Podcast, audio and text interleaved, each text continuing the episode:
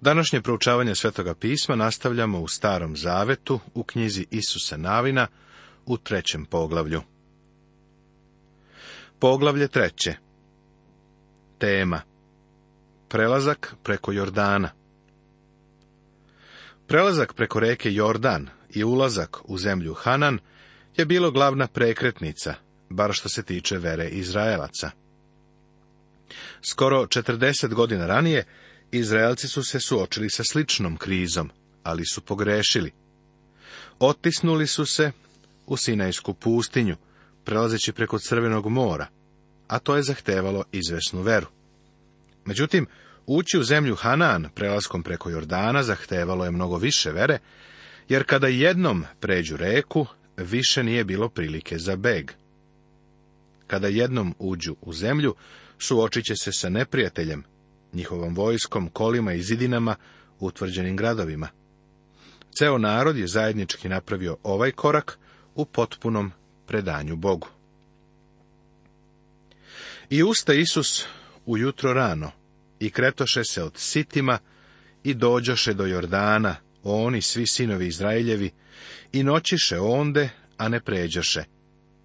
A posle tri dana prođoše upravitelji kroz oko i zapovediše narodu govoreći, kad vidite kovčeg zaveta, gospoda Boga svojega i sveštenike levite gde ga nose, pođite i vi s mesta svojega i idite za njim.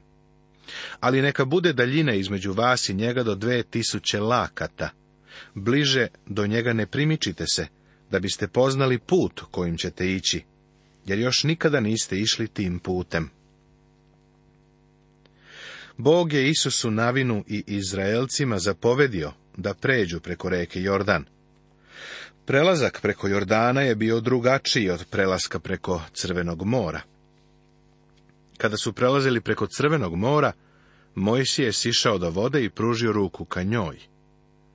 Cele te noći voda se povlačila.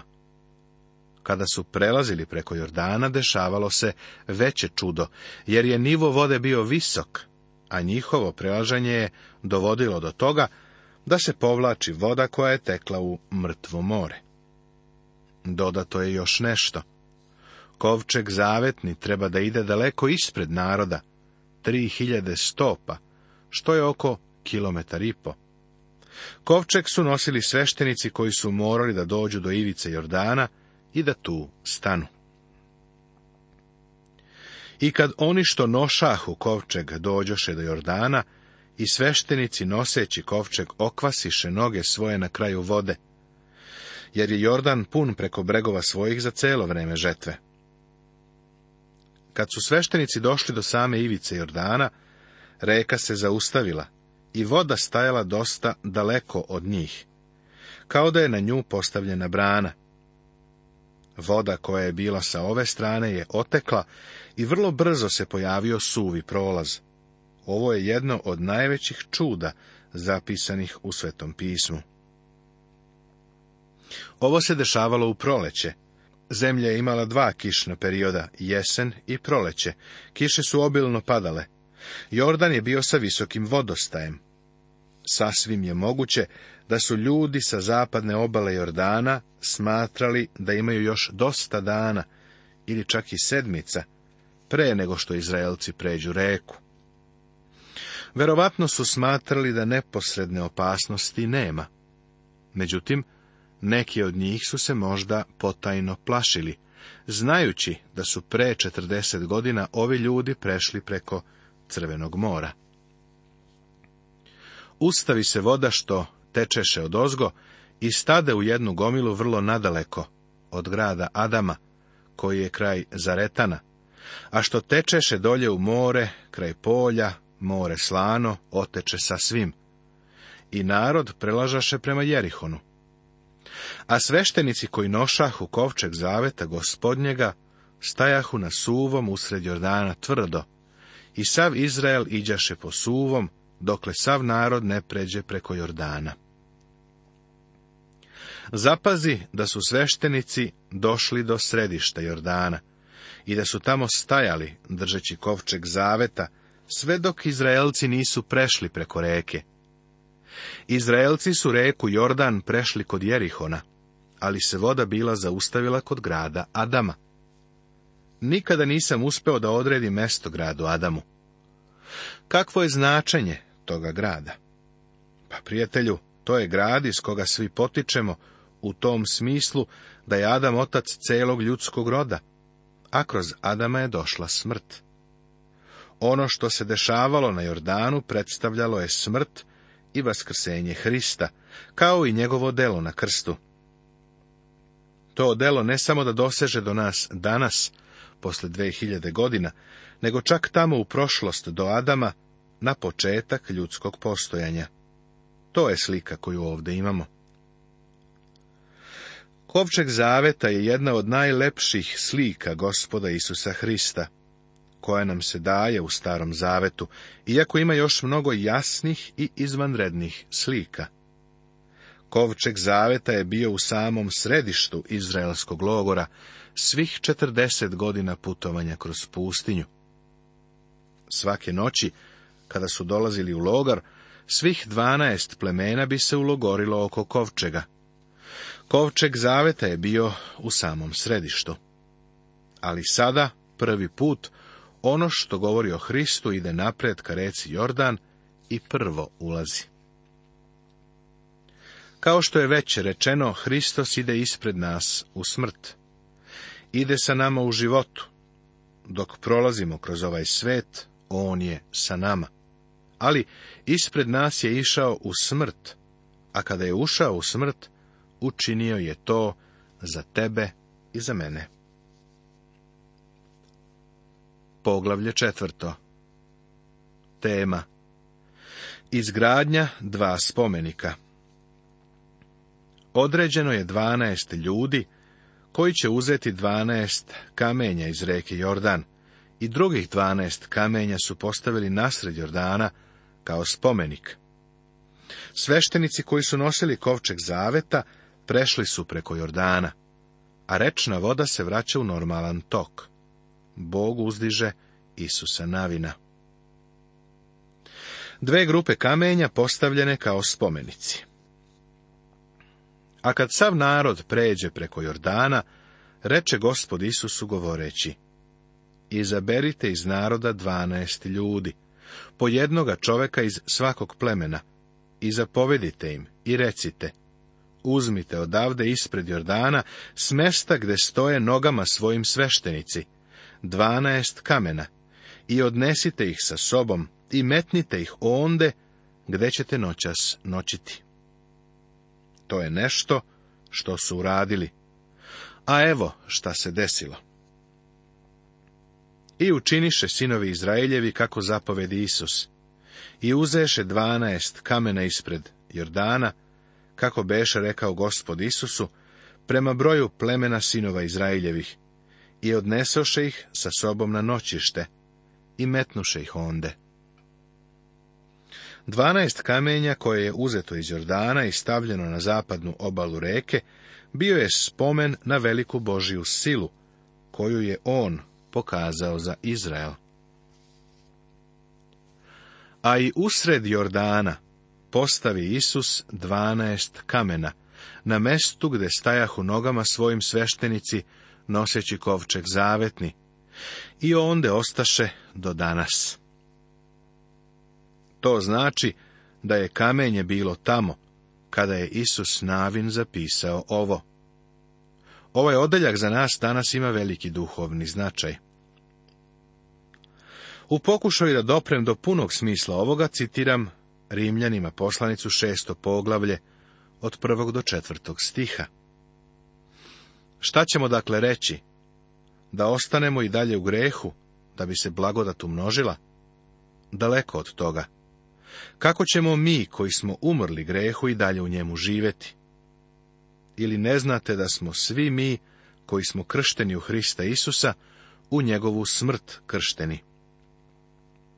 Tako smo mi krštenjem u smrt zajedno s njim sahranjeni, da bismo, kao što je Hristos vaskrsnut iz mrtvih očevom slavom, i mi na isti način živeli novim životom. Prijatelju, želim da kažem da je Hristos otišao u smrt radi tebe i mene.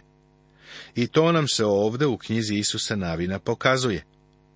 Dvanaest kamenova je stavljeno u vodu smrti. Tih dvanaest kamenova je stavljeno u Jordan da govore o Hristovoj smrti. Dvanaest kamenova izvađenih iz Jordana i stavljenih na zapadnu obalu reke predstavlja Hristovo vaskrsenje. Gospod Isus je umro pre više od 2000 godina. U svih šest poglavlja poslanice Rimljanima, Pavle jasno govori da se mi sa Hristom poistovećujemo u njegovoj smrti.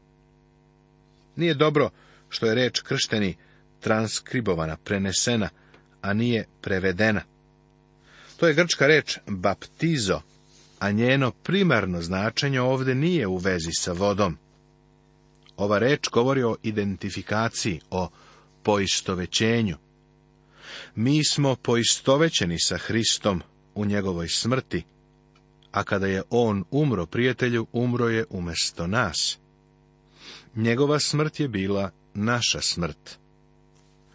Kada je ponovo ustao iz mrtvih, i mi smo ustali iz mrtvih. Danas smo sjedinjeni sa živim Hristom. U zavisnosti od našeg sjedinjenja sa Hristom, mi uživamo sve duhovne blagoslove. Verujem da ovo razumeš poistovetili smo se sa njim. Kada su Izraelci prešli preko reke, postali su stanovnici Palestine. Zauvek su se poistovetili sa tom zemljom. Toliko mnogo da i danas oni govore o jevrejima u Palestini. A kada izađu iz zemlje, govori se o lutajućim jevrejima. Hajde da ovu činjenicu povežemo sa drugom velikom činjenicom. Kada ti, prijatelju, dođeš Hristu i prihvatiš ga kao spasitelja, njegova smrt postaje tvoja smrt, a njegovo vaskrsenje tvoje vaskrsenje. Kada odlutaš od svog identiteta, čak i na kratko, razmisli o tome do kakvih tragičnih posljedica dolazi. Apostol Pavle je Efescima napisao blagoslovenu istinu. Ali Bog, koji je bogat u milosti, zbog svoje velike ljubavi kojom nas je zavoleo, oživeo je Hristom i nas, koji smo bili mrtvi u svojim prestupima. Blagodaću ste spaseni, i s njim je vaskrsao nas i postavio na nebesima u Hristu Isusu, da u budućim vekovima pokaže preveliko bogatstvo svoje blagodati. Svojom dobrotom prema nama u Hristu Isusu, kako kaže poslanica Efescima u drugom poglavlju od četvrtog do sedmog stiha. Kada je umro, umro je za tvoje grehe, da bi ti imao život, a kada je oživeo, njegov život je postao tvoj. Sada si sjedinjen sa živim Bogom. Prijatelju, ovo je jedna od najvećih istina iz Božje reči. A iziđe narod iz Jordana desetoga dana prvoga meseca i stadoše u oko u Galgalu sa istoka Jerihonu. A onih dvanaest kamena što iznesoše iz Jordana postavi Isusu Galgalu. I reče sinovima Izraeljevim govoreći, kad u napredak zapitaju sinovi vaši oce svoje govoreći, šta će to kamenje? Tada obavestite sinove svoje i recite im, suhim pređe Izrael preko ovoga Jordana. Ako iz ovog odeljka izvučemo duhovnu polku, doći ćemo do jednog zaključka. A to je da našu decu treba da učimo evanđelju. Posao roditelja jeste da svojoj deci daju evanđelje. Ne postoji slična privilegija, kao što je to da roditelj svoje dete dovede do spasavajućeg saznanja o Hristu. Moja supruga je imala privilegiju da našu kćer dovede gospodu. Ovo je roditeljska odgovornost. Jer gospod Bog osuši Jordan pred vama dokle pređeste. Kao što je učinio gospod Bog vaš kod crvenog mora, osušivši ga pred nama dokle pređosmo da bi poznali svi narodi na zemlji da je ruka gospodnja krepka, da biste se svagada bojali gospoda Boga svojega. Ono što je Bog činio za Izrael, činio je u njihovu korist, u našu korist, tvoju i moju. Uradio je to da bi svi ljudi na zemlji znali da je ruka gospodnja zaista silna. Ovaj cilj se jasno i slikovito ispunio čim su Hananci čuli vesti da su Izraelci prešli preko Jordana.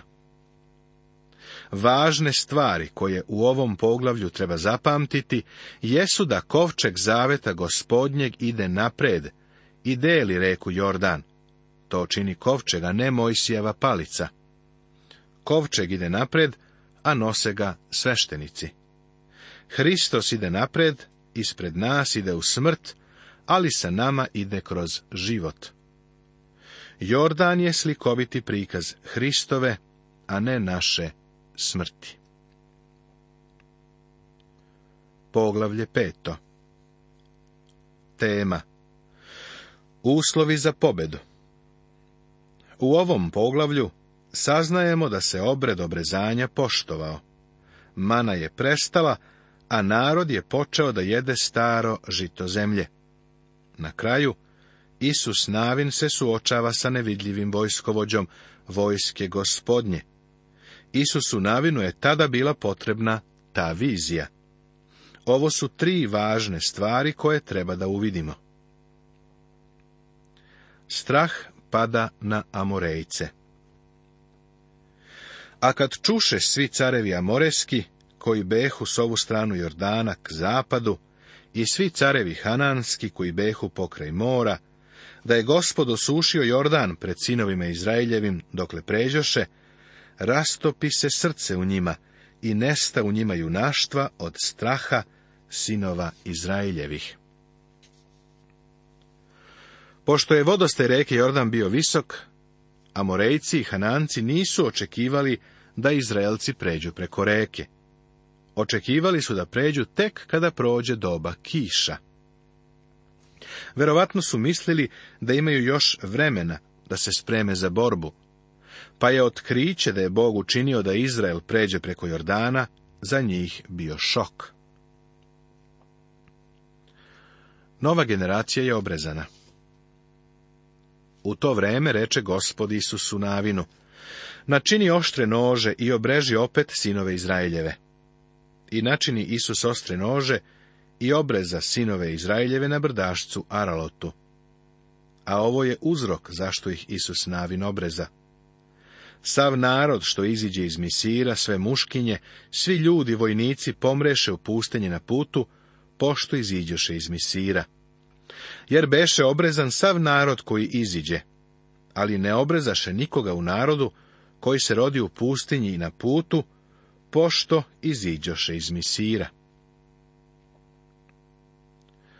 Nova generacija je zanemarila obred obrezanja, koji je bio simbol Avramovog zaveta. Avramov zavet, kao što se sećaš, dao je Izraelu zemlju Hanan. Narod je zanemario ovaj obred u toku godina, koje je proveo lutajući po pustinji jer četrdeset godina iđahu sinovi Izraeljevi po pustinji, dokle ne pomre sav narod, ljudi vojnici što iziđoše iz misira, jer ne slušaše glasa gospodnjega. Te im se zakle gospod da im neće dati da vide zemlju, za koju se zakleo gospod ocima njihovim, da će nam je dati zemlju gde teče mleko i med. I na mesto njihovo podiže sinove njihove, njih obreza Isus jer behu neobrezani, jer ih ne obrezaše na putu. A kad se sav narod obreza, ostaše na svom mestu u okolu, dokle ne ozdraviše. Tada reče gospod Isusu Navinu, Danas skidoh sa vas sramotu misirsku. I prozva se ono mesto Galgal do današnjeg dana. Nastavit će se.